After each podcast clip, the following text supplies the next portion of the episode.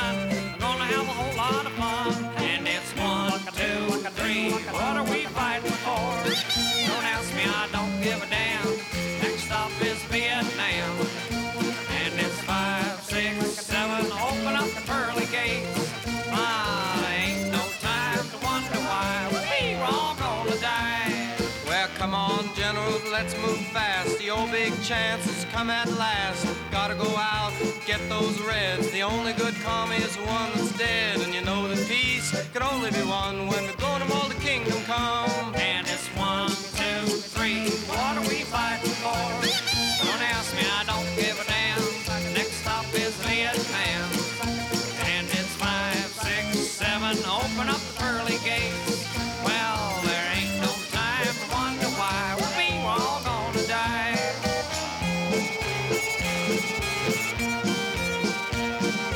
50 år har gått siden de unge musikerne i det danske bandet The Savage Rose møttes for første gang. Det var Thomas Koppel som skrev det meste av musikken, før han døde brått i 2006. Men The Savage Rose lever videre, med hans kone Anisette i front. Og det politiske engasjementet er like sterkt. Anisette bor i Københavns sydhavn med hus malt i alle verdens farger, der folk løper inn og ut til hverandre. Hele livet har hun levd som i et kollektiv, der bandets medlemmer har brakt med seg barn og husdyr på turné. Nå har hun tatt med seg både datter og svigersønn i det nye bandet. Kjærlighet, frihet og fred har alltid preget musikken til The Savage Rose. Hun avsluttet konsertene under årets Roskilde-festival med å slippe en hvit due fra scenen.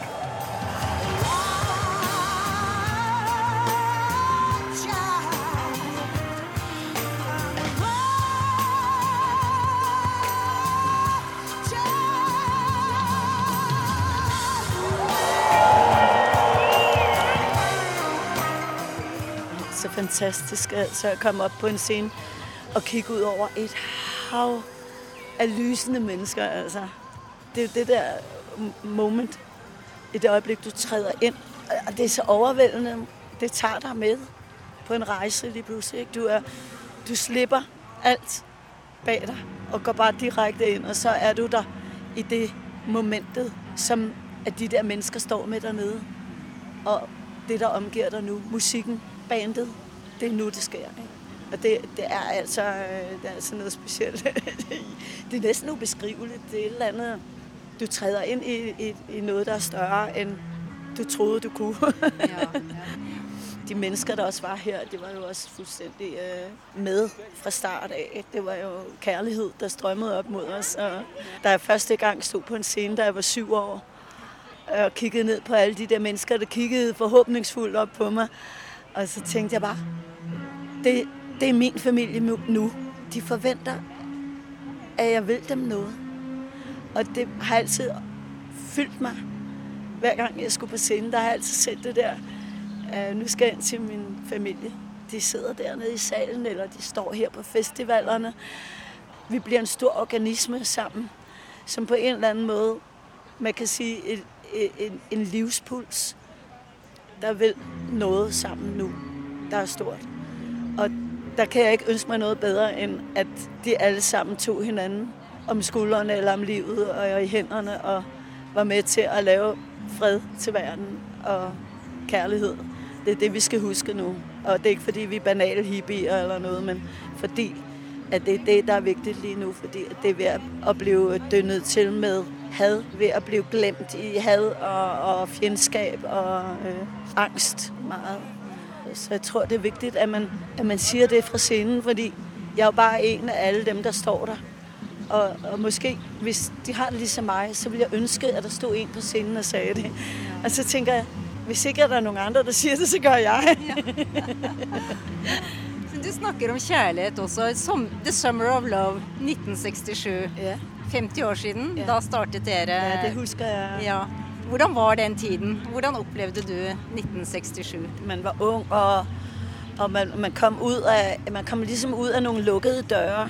hvor det var et autoritært samfunn, og ens foreldre bygget på, på nogle gamle ideer om, hvordan man skulle trives sammen. Men de var også efterkrigstidsmennesker, og håpet på noget andet i livet, end det, de havde været igennem.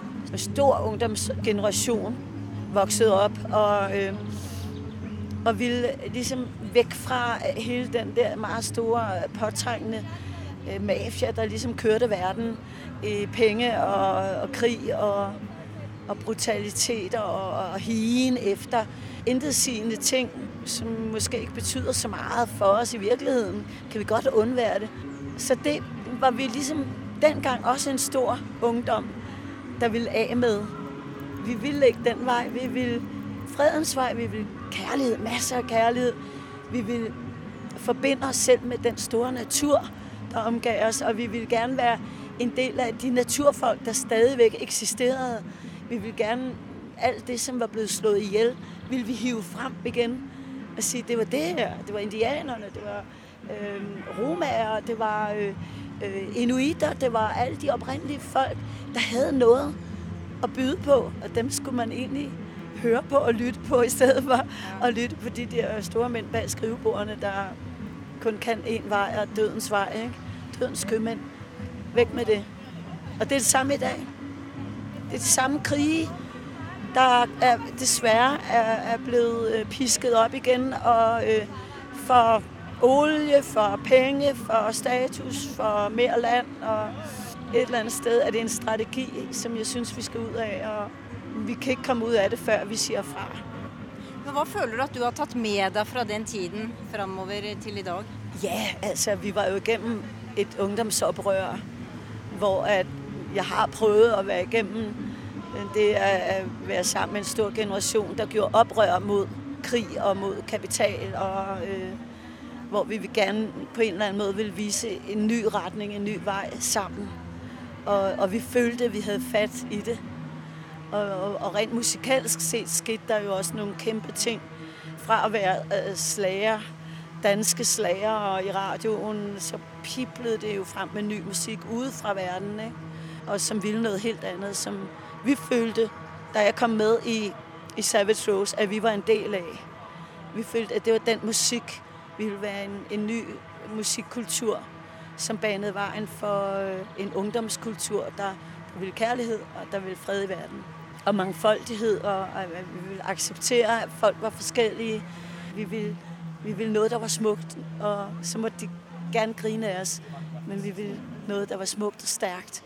Og samtidig lå der også en protest i det, at øh, vi gider ikke at gå med slips og jakkesæt, og vi gider ikke øh, at skulle følge en, en bane autoriteter, som fører oss den forkerte vei. Ut i øh, en pengeverden, der er grisk og grådig, og som i den sidste ende vil nedbryde alt det smukke på jorden. Og det ser vi jo i dag, øh, hvad det har ført med seg. at de krige i Irak og Afghanistan og øh, altså, har jo ført noen forfærdelige, forferdelige ting med seg av sorg og smerte og mennesker, der må flygte med deres børn og flygter herop til oss. Og så ser man de samme mennesker, der har, har sendt unge menn i krig, ser vi bygge, bygge store murer opp ikke? og piggtrådshegn, så alle flyktningene ikke engang kan komme inn og få hjelp. Altså, man kaster bomber ned mot de mennesker, og samtidig så øh, kan man ikke forstå, at de kommer her opp og skal have hjelp. Hvordan er det å se tilbake på denne fantastiske karrieren, som du har hatt gjennom 50 år? Det har vært en vidunderlig ting. Jeg tror ikke, jeg kan ønske meg et liv, der har vært smukkere, enn å være i musikkens favntag hele tiden. Og ikke mindst leve mine år sammen med Thomas, som skrev det mest vidunderlige musikk. Og når han ikke skrev musikk eller lavede musikk med meg, så lavede han også musikk. så jeg lyttet til musikk fra jeg våknet om morgenen, og til vi gikk i seng om aftenen. Og det var et stort tab, da han gikk bort, og, fordi jeg, jeg savnede å høre tonerne hver dag. Og også min datter, som boede med meg på det tidspunkt, sa sagde, nu skal vi altså ha klaveret til å spille. Og så gikk hun hen, og der var ingen av oss der hadde lært å spille klaver. Og hun gikk hen, og så satte hun sine fingre på klaveret, og sagde, nu spiller det. Og så trykkede hun den, og i løpet av en halv time, så hadde hun allerede funnet frem til noen akkorder, som jeg sa åh, hvor lyder det godt, Nei, jeg ble ved. Og her, det, der, der kan jeg næsten lave en melodi, som jeg ville kunne høre Thomas lave. Og så sad vi en hel dag, og så kom de første melodier til uh, Universal Daughter. Og det var den første plade efter, at Thomas øh, døde. Det var, hed Universal Daughter, som vi lavede. Og nu har jeg så selv kastet meg over både gitar og klaver. Men ikke, jeg kan ikke sådan sidde og spille på scenen. Jeg kan sidde og lave melodier. Få ideen til den næste tekst og sang, jeg vil lave. Men uh, det er sjovt, for jeg kan næsten spørge Thomas, når jeg sidder hvordan skal jeg lige gjøre det her? Ikke? Og når man lytter rigtig godt efter i så spiller hans musik. Ikke? Ja. Og, og, og, det øh, har været, og det har fulgt mig i alle de her mange år. Nu har jeg begyndt at spille en gang imellem også med Alex Riel, som var trommeslager i det gamle Savage Rose. Og spillede nogle jazz øh, ting med ham. Og han spiller stadigvæk, ligesom han gjorde dengang. Han er, han er også en vidunderlig trommeslager. Og sådan møder jeg jo folk på veien som har været en del av Savage Rose. Og nå har jeg jo så, efter Thomas døde, fått et helt nytt band, som jeg søgte efter noen ganske bestemte øh, musikere, som kunne kaste seg ut i musikken, uden å skille til, til at jeg var fra et gammelt Savage Rose, men som selv liksom kunne komme og bidrage med nye impulser til det næste, vi skal lave. Fordi at tingene skal utvikle seg. Det skal ikke være et museum. Men ikke desto mindre elsker de Savage musikken. Så vi blander det med alt det nye, vi laver. Og så spiller vi noen av de gamle sange, som vi finner frem, som alle sammen holder virkelig meget af.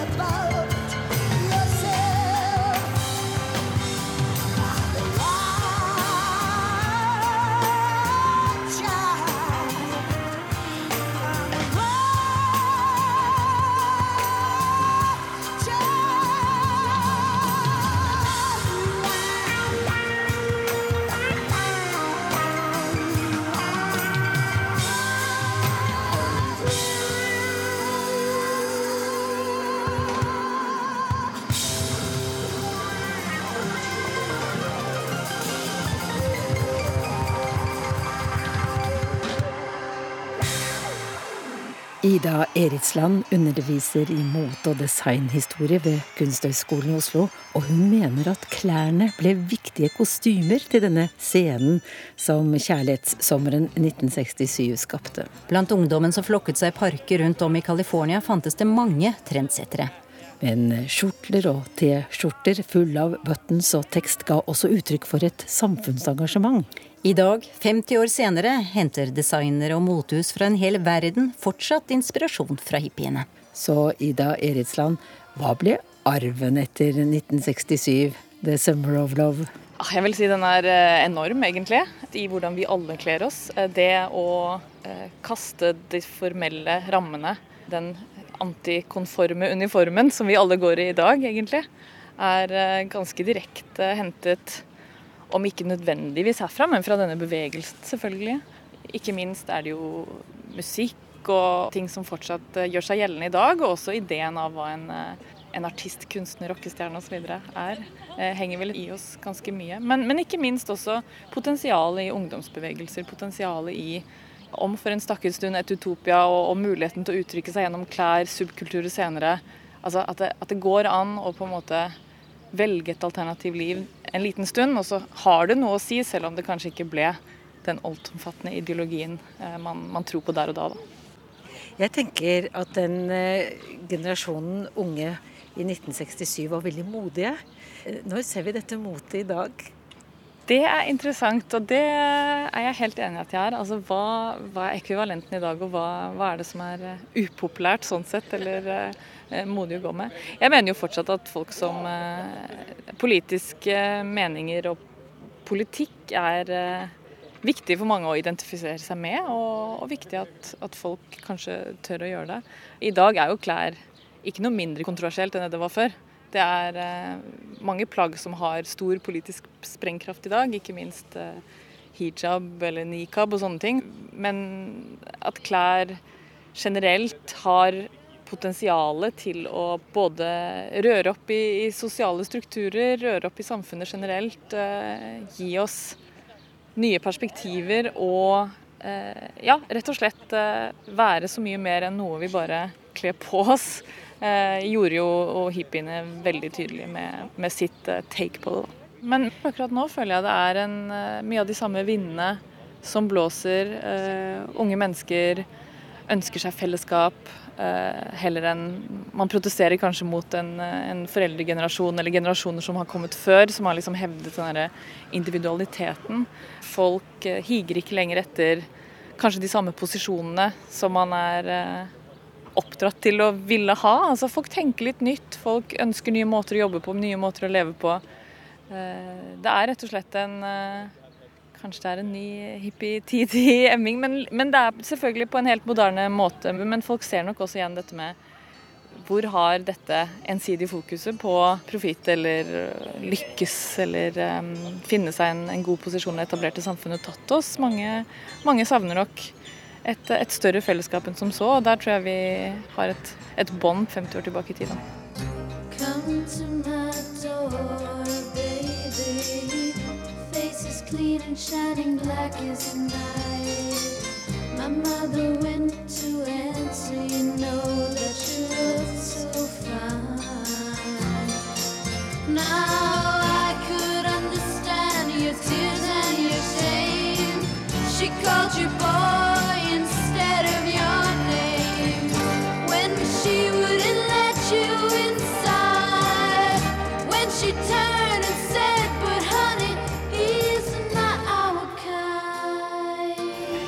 Går du etter når du kjøper klær?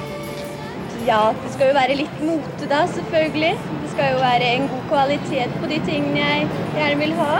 Men jeg syns det utenlandske er gjøre. Hvorfor omsetter dere mest utenlandske varer? Er det fordi det er mer fancy enn det norske? Ja, i grunnen så er det det. For der får vi jo akkurat det siste motet som er moderne på Oxford Street, og det vil de unge pikene ha her i Oslo også. Mary Quants design var også påvirket av eh, samfunnsengasjement og musikk. Med et enkelt og lekent snitt bidro hun til kampen for likestilling. Og preget et swinging London som ga unge mennesker håp om en bedre fremtid. Den britiske designeren har blitt tildelt æren for miniskjørtet, hotpants og strømpebuksen. Og det var jo en skrekk for alle unge menn, denne oppfinnelsen, som vi ikke fant noe ut av for å få den av.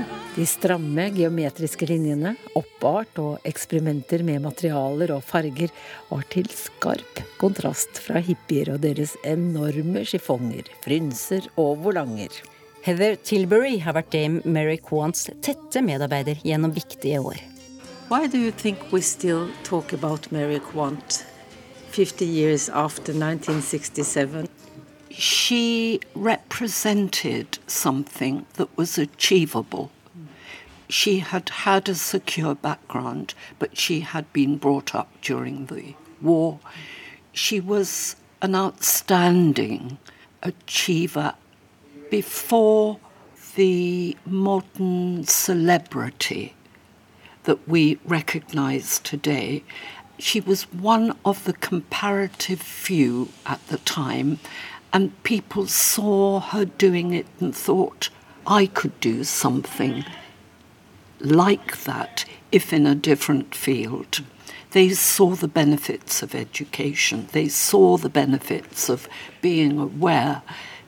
Television presented to them so many things they would never have learned had they been born 10 years before.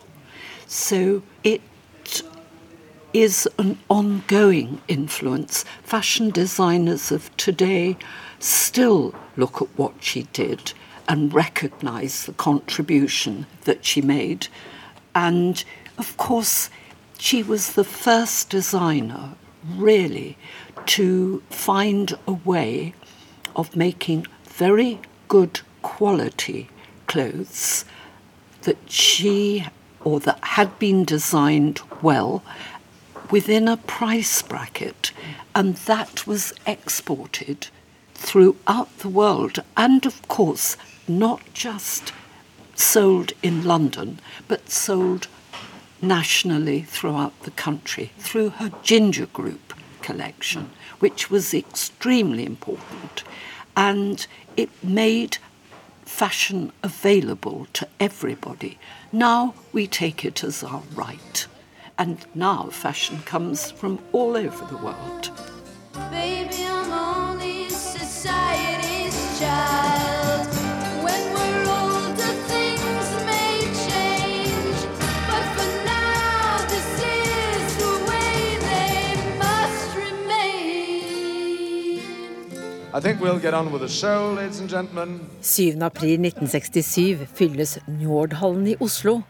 til det som skal bli en historisk konsert. Ved inngangen til The Summer of Love, kjærlighetssommeren, før pop- og rockfestivalen i Monterey i California, opptrer amerikanske Otis Redding og Booker T and The MGs for et entusiastisk publikum. NRK sender konserten på sort-hvitt TV. Og dette blir et av de få opptakene som eksisterer av Otis Redding. Som dør bare noen få måneder senere i en flyulykke, 26 år gammel. It's a song that we love to do. I've been loving you. Thank you. Too long to stop now.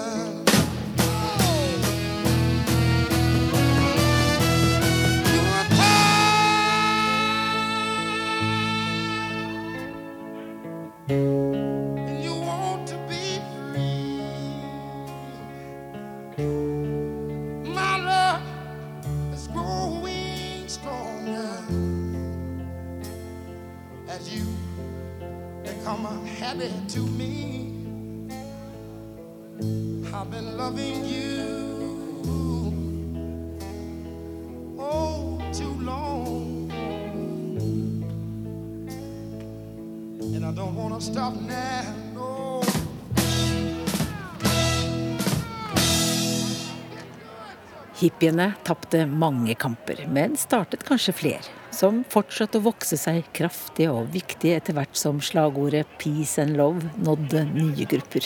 De plantet ideer som trengte tid til å utvikle seg. I løpet av 67 oppsto det alternative samlivsformer som utfordret samfunnet til å tenke nytt både gjennom livsstil og arkitektur. Audun Eng er jurist og tidligere redaktør av Gateavisa. Han har fulgt hippienes ettermæle. Og hva mener han er arven etter The Summer of Love? Hva har vi å takke dem for? Ungdommen som puttet blomster i håret, og som fulgte en drøm, og som våget stå opp for autoriteter? Veldig mye av det vi i dag tar for gitt i et liberalt eh, samfunn, kommer fra denne epoken. Selvfølgelig eh, likestilling, eh, ikke-vold, alternative måter å leve på, alternative seksuelle preferanser og alternative religioner. Veldig med dette eksploderte i akkurat disse få årene på 60-tallet. Og man skal også være klar over at hele den måten hippiebevegelsen var organisert, altså med kollektiver, med samarbeid, med ikke-kommersielle virksomheter Selvfølgelig mye ble kommersialisert etter hvert, men dette har satt sitt preg på samfunnsutviklingen også i Norge. Og grunnleggerne av både Apple og Google var hippier, og de tok ideene om å lage datamaskiner som alle kunne bruke på enkel måte, og spre kommunikasjonsmulighetene verden rundt. Disse ideene var på en måte en teknologisk nerdeutgave av eh, hippiedrømmene. Og vi ser jo i dag sosiale medier hvor folk kan publisere allting selv. Behøver ikke å spørre noe forlag, bør ikke ha penger for å publisere. Dette er jo ideer som kommer fra hippietiden med undergrunnsavisen. Alle startet sin egen avis overalt, både i Europa og i USA ble det startet alternative ikke-kommersielle aviser. Gateavisa var en av dem. Og eh, i dag ser vi at dette er blitt en selvfølge, eh, for nå trenger du ikke engang eh, papir.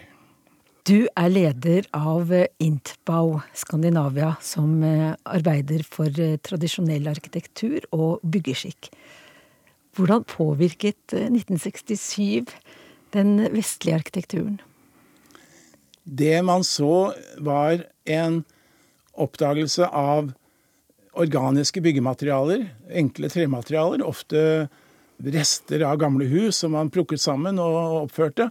Og så så man også at hippiene var kritiske til denne modernismen med skyskrapere og stål og glass. Tenk bare på Pushwagners eh, tidlige malerier av eh, triste ansikter bak eh, vinduer i skyskrapere. Og i stedet eh, ville hippiene eh, trekke frem den tradisjonelle livsstilen på bondegårder. Og de er inspirert av eh, amerikanske indianernes eh, enkle telt og stenhytter. Og man var også inspirert av eh, både arkitektur og design og klær fra den tredje verden og fra urbefolkningen rundt omkring. Så jeg vil si at uh, veldig mye av det du ser i dag av arkitektur som trekker frem disse organiske elementene og forsøker å tilpasse bygningene til naturen, og bruker uh, stedets materialer Veldig mye av dette er en videreføring av hippienes uh, idealer om en enkel, lokal forankret uh, arkitektur.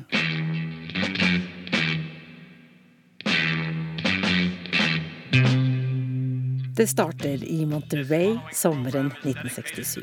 Så kommer Woodstock-festivalen to år senere. Deretter den ene festivalen etter den andre. I alle land og innenfor alle sjangere. Også i Norge popper den ene festivalen opp etter den andre, og noen forsvinner like fort igjen. Roskildefestivalen i Danmark har vokst seg til Nord-Europas største festival siden starten i 1971. De har en egen visjon og er en non-profit-festival som er mer livskraftig enn noensinne. Kommunikasjonsansvarlig Martin Hjort forteller at det er viktig for arrangørene å forvalte arven riktig.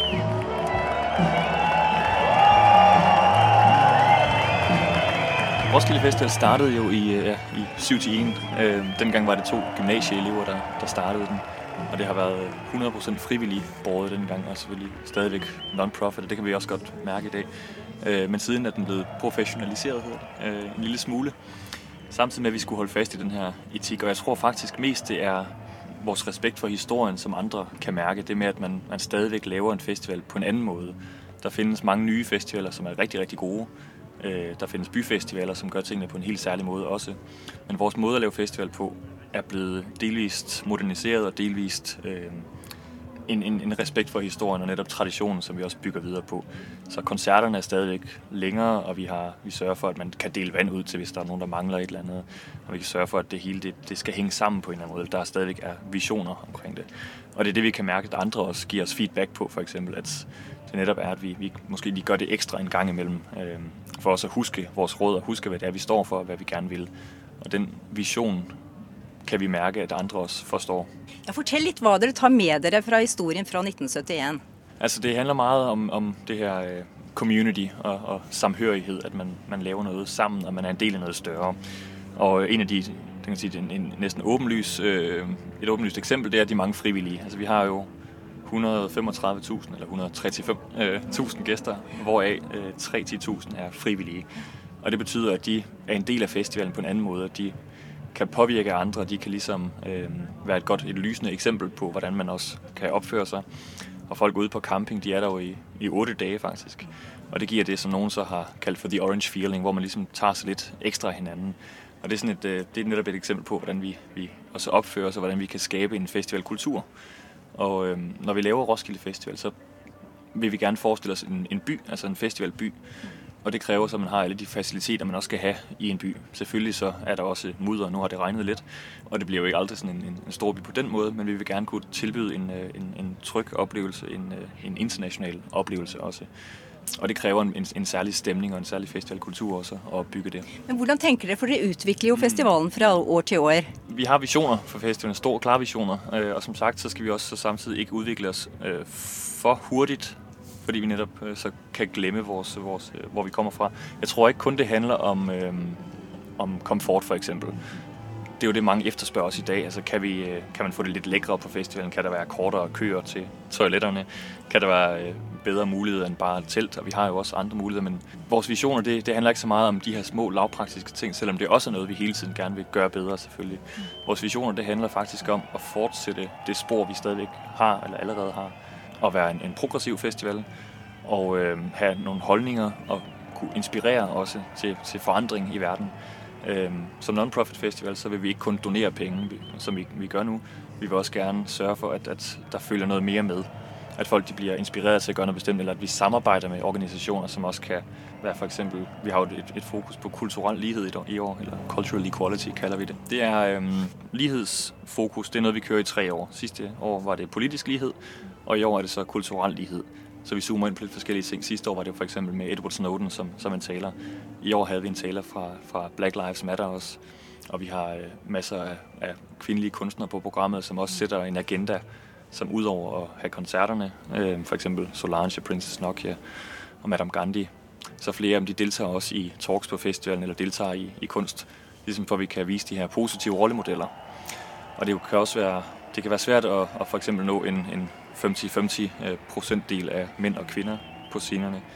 Øh, Og vi tror ikke på, på, at kvoter er det eneste, man kan gjøre. Vi tror også, man skal prøve å ændre kulturen. Så vi vil gerne ha noen, nogle særlige rollemodeller, der virkelig kan vise unge, øh, hvordan man kan, kan skabe kultur, hvordan man kan forandre ting, og hvordan man kan ja, netop være kunstnerisk og progressiv og faktisk få folk til virkelig å stoppe opp og lytte. Man kan gjøre det på mange måter, selvfølgelig, men vi har vært heldige, at det også har været noen folk, som netop har været klar på ikke bare levere en koncert, men også give meget, meget mere. For eksempel ja, Princess Nokia. Mm. De, mange af dem er, er måske ukendte for de, de brede masser, men de får fat i mange af de unge mennesker, som er dem, som øh, man måske vil tro bare sidder ude i, i, i campingstolene, og så øh, spiller ølbowling, som er vores lokale sport på festivalen næsten. Øh, men mange af dem de er faktisk rigtig, rigtig interesserede i de emner. Eller også så finder de ud af, at de er interesserede i det, uden at have tænkt over det. Og det er jo en, en særlig måde at kunne påvirke folk på, hvis de har en, en rollemodel eller et, et forbillede, eller man kan skabe de her idoler, som, som kan vise vejen. Hate to burst your bubble, bitch. I'm that weird girl that's running shit. I'm a boss, bitch, running big shit. Hey, Mr.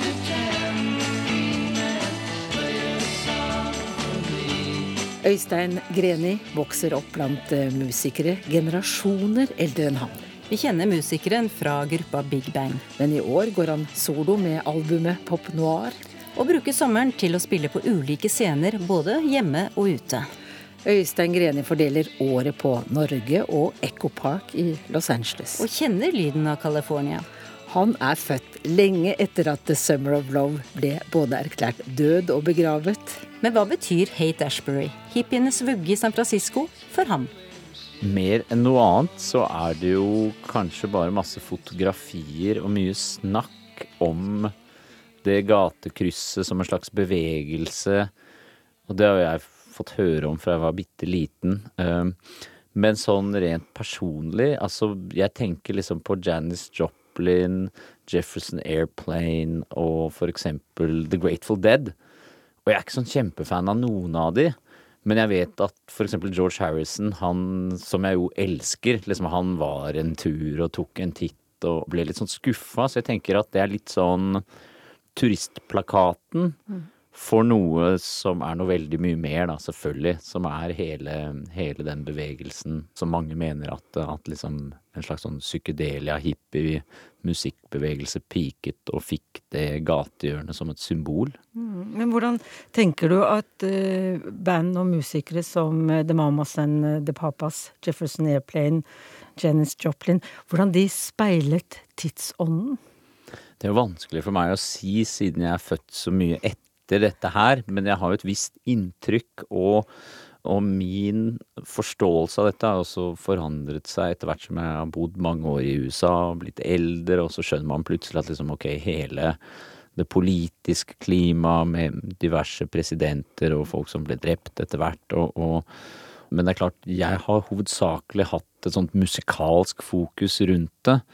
Um, men hvis jeg ser på foreldrene mine, da, som var hippier her hjemme i Norge, og det handlet jo mye om den første babyboomer-generasjonen, de som var født rundt krigen, etter krigen, og, og hvordan de hadde lyst på å være barn mye lenger da, enn foreldregenerasjonen deres hadde vært, og, og fortsatt etterstreber det, hvis jeg leser min far riktig.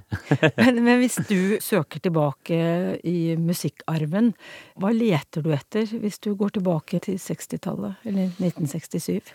Altså, jeg leter vel veldig sjelden sånn årstall spesifikt, men, men det er klart det, det, det var mange heldige ting som skjedde For meg så er det magiske året 1948, for da kom Fender Telecaster, Neumann U47, faren min ble født, og det var en god del sånne tekniske ting. Begynte jo mye tidligere, selvfølgelig, og så piket det kanskje med denne bevegelsen en eller annen gang på, på 60-tallet, da. Men altså, du finner i hvert fall en lekenhet og en veldig sånn fremtidstro. Det syns jeg kjenner Altså der hvor kanskje 50-tallet er veldig uskyldig og litt sånn Ja, hva skal man si? Det har sin følelse, men 60-tallet er fortsatt det. Men det blir liksom litt mørkere og mørkere og mørkere, og så ja, det, er, det er mange måter å, å, å, lese det på, altså. Men det er klart det Beatles gjorde i 67 er jo helt fantastisk, og, og mange andre også. Du vokste opp i en uh, familie med musikere, og selv om du da ikke engang var født i 1967, så ble 60-tallet kjent for deg gjennom musikken. Uh, hva spilte de hjemme hos deg? Mye forskjellig. Uh, faren min er fra Lillestrøm, og der var det jo Kjeller flyplassen, og det kom inn ganske mye amerikanske plater der, da, gjennom hans onkel Kåre. Så det går veldig langt tilbake. Men Undertaker Circus, som er bandet faren min spilte i, alle de gutta der, de spleisa på soul-plater. Så det tror jeg var litt spesielt for faren min og Lillestrøm-musikkbakgrunnen. Altså, hjemme hos meg var det veldig mye R&B og soul. Og moren min, som vokste opp på Skillebekk i Oslo, hun kjøpte har hun fortalt meg liksom The Band og Stones og sånn. Hun syntes liksom, det var kulere enn Beatles, da. Så uh, veldig mye uh, popmusikk, altså. Du flyttet uh, til Echo Park i Los Angeles, og noen vil vel påstå at hippietiden denne subkulturens filosofi fortsatt lever godt også i Syd-California. Hva tenker du om det? Ja, altså i hvert fall Det kommer jo litt an på hva man, hva man legger i det, men, men hele California-kulturen er jo For det første, den er veldig ung. Det var jo ingenting der for 150 år siden. Den er preget av altså en voldsom sånn kraft fra naturen. Det er et veldig spesielt klima. Både det at alt driver og flytter på seg med jordskjelv, og at du har et veldig kraftig stillehav, et vakkert lys. eh, Det er det et veldig behagelig klima.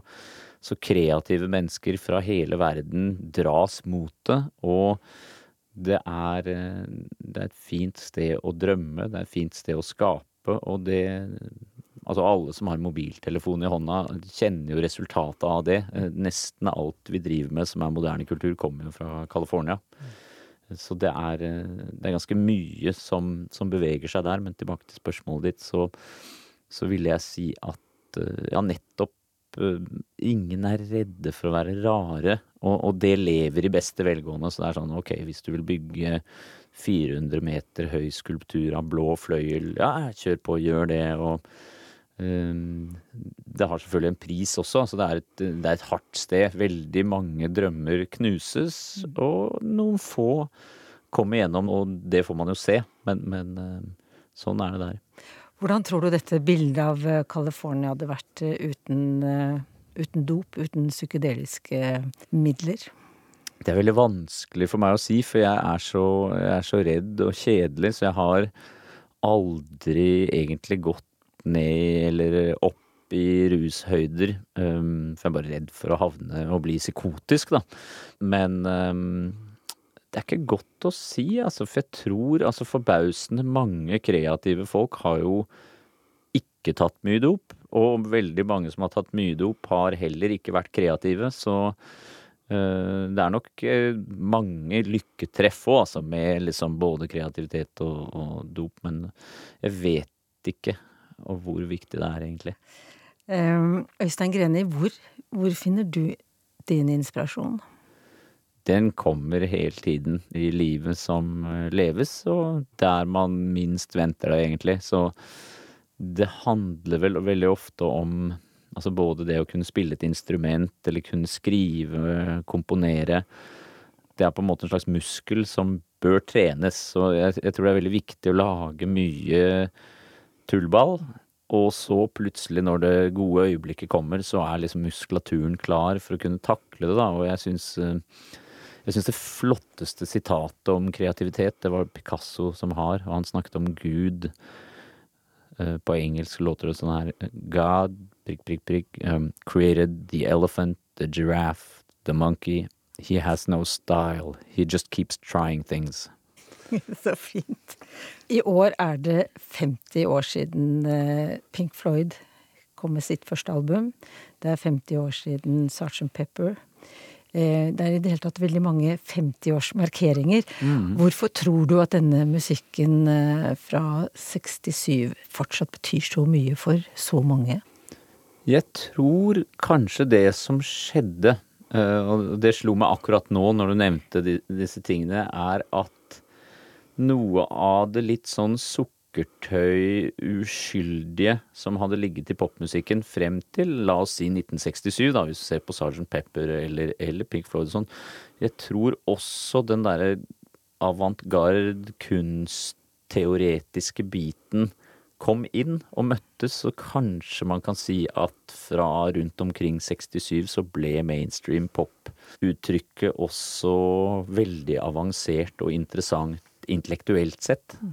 Kanskje. Mm. En annen type historiefortelling. Ja, kanskje man tok liksom Kanskje man tok eh, det uttrykket litt mer på alvor, og at for eksempel en plate som Sgt. Pepper bare gjorde det veldig tydelig for folk. At mm. oi, dette er jo vel så avansert som Mona Lisa eller en pyramide, liksom.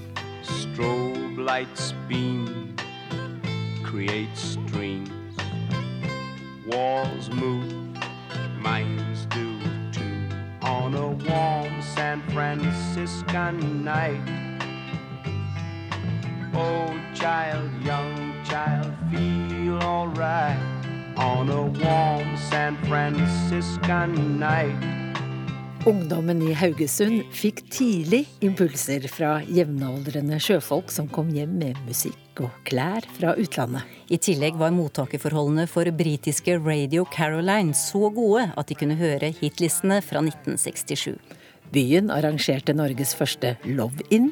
Og en av dem som sto i spissen for denne seansen, var Terje Emil Johannessen.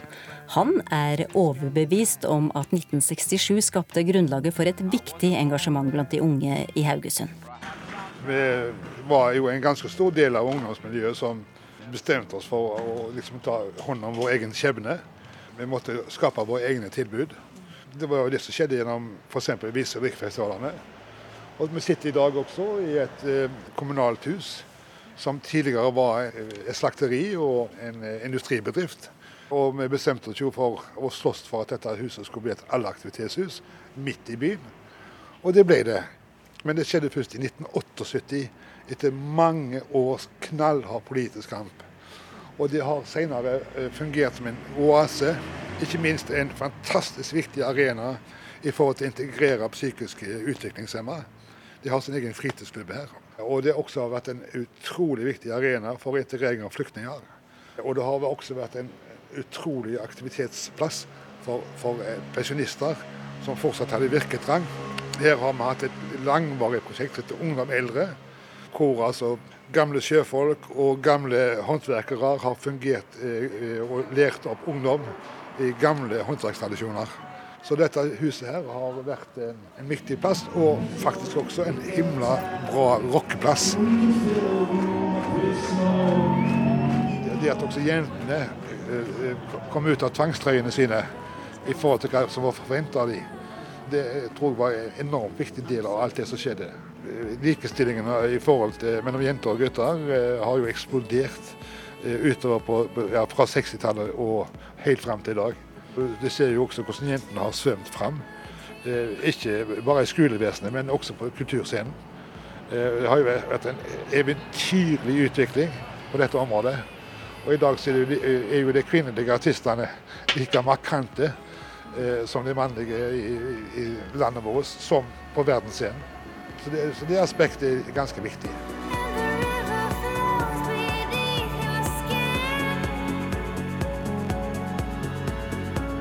Har skjedd en utrolig utvikling i løpet av disse 50 årene. Ikke minst teknologisk omkring oss, og måter å leve på.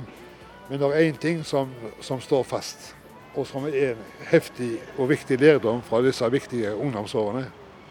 Det er at når det kommer til stykket, så er det er den enkle, ærlige, menneskelige samværet og den sosiale varmen mellom folk som er det aller, aller viktigste beholdninga som jeg sitter med. Det er en grunnleggende lærdom, og som holder vann den dag i dag. Etter hvert som mennesker sitter rundt omkring to meter fra hverandre og kommuniserer via en mobiltelefon. Angels sing, leather wings, jeans of blue, Harley Davidson's too. On a warm San Franciscan night, old angel, young angel, feel alright.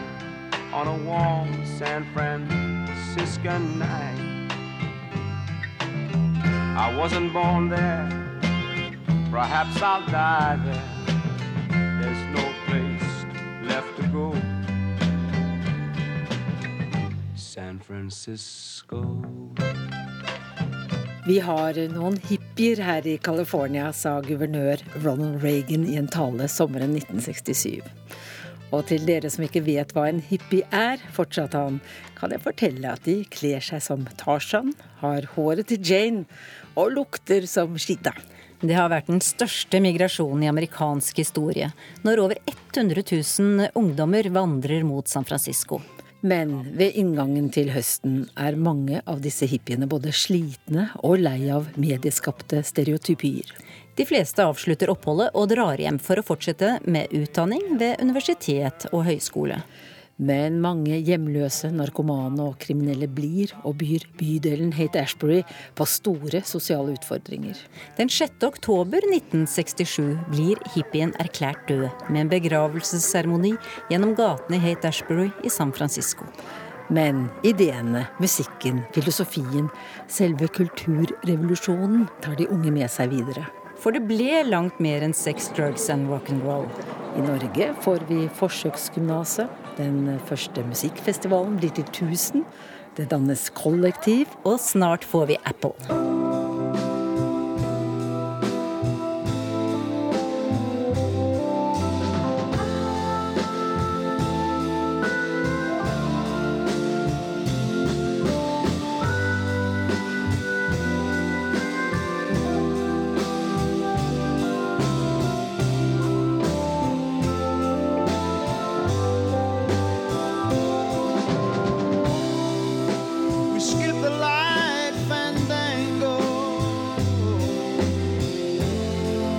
time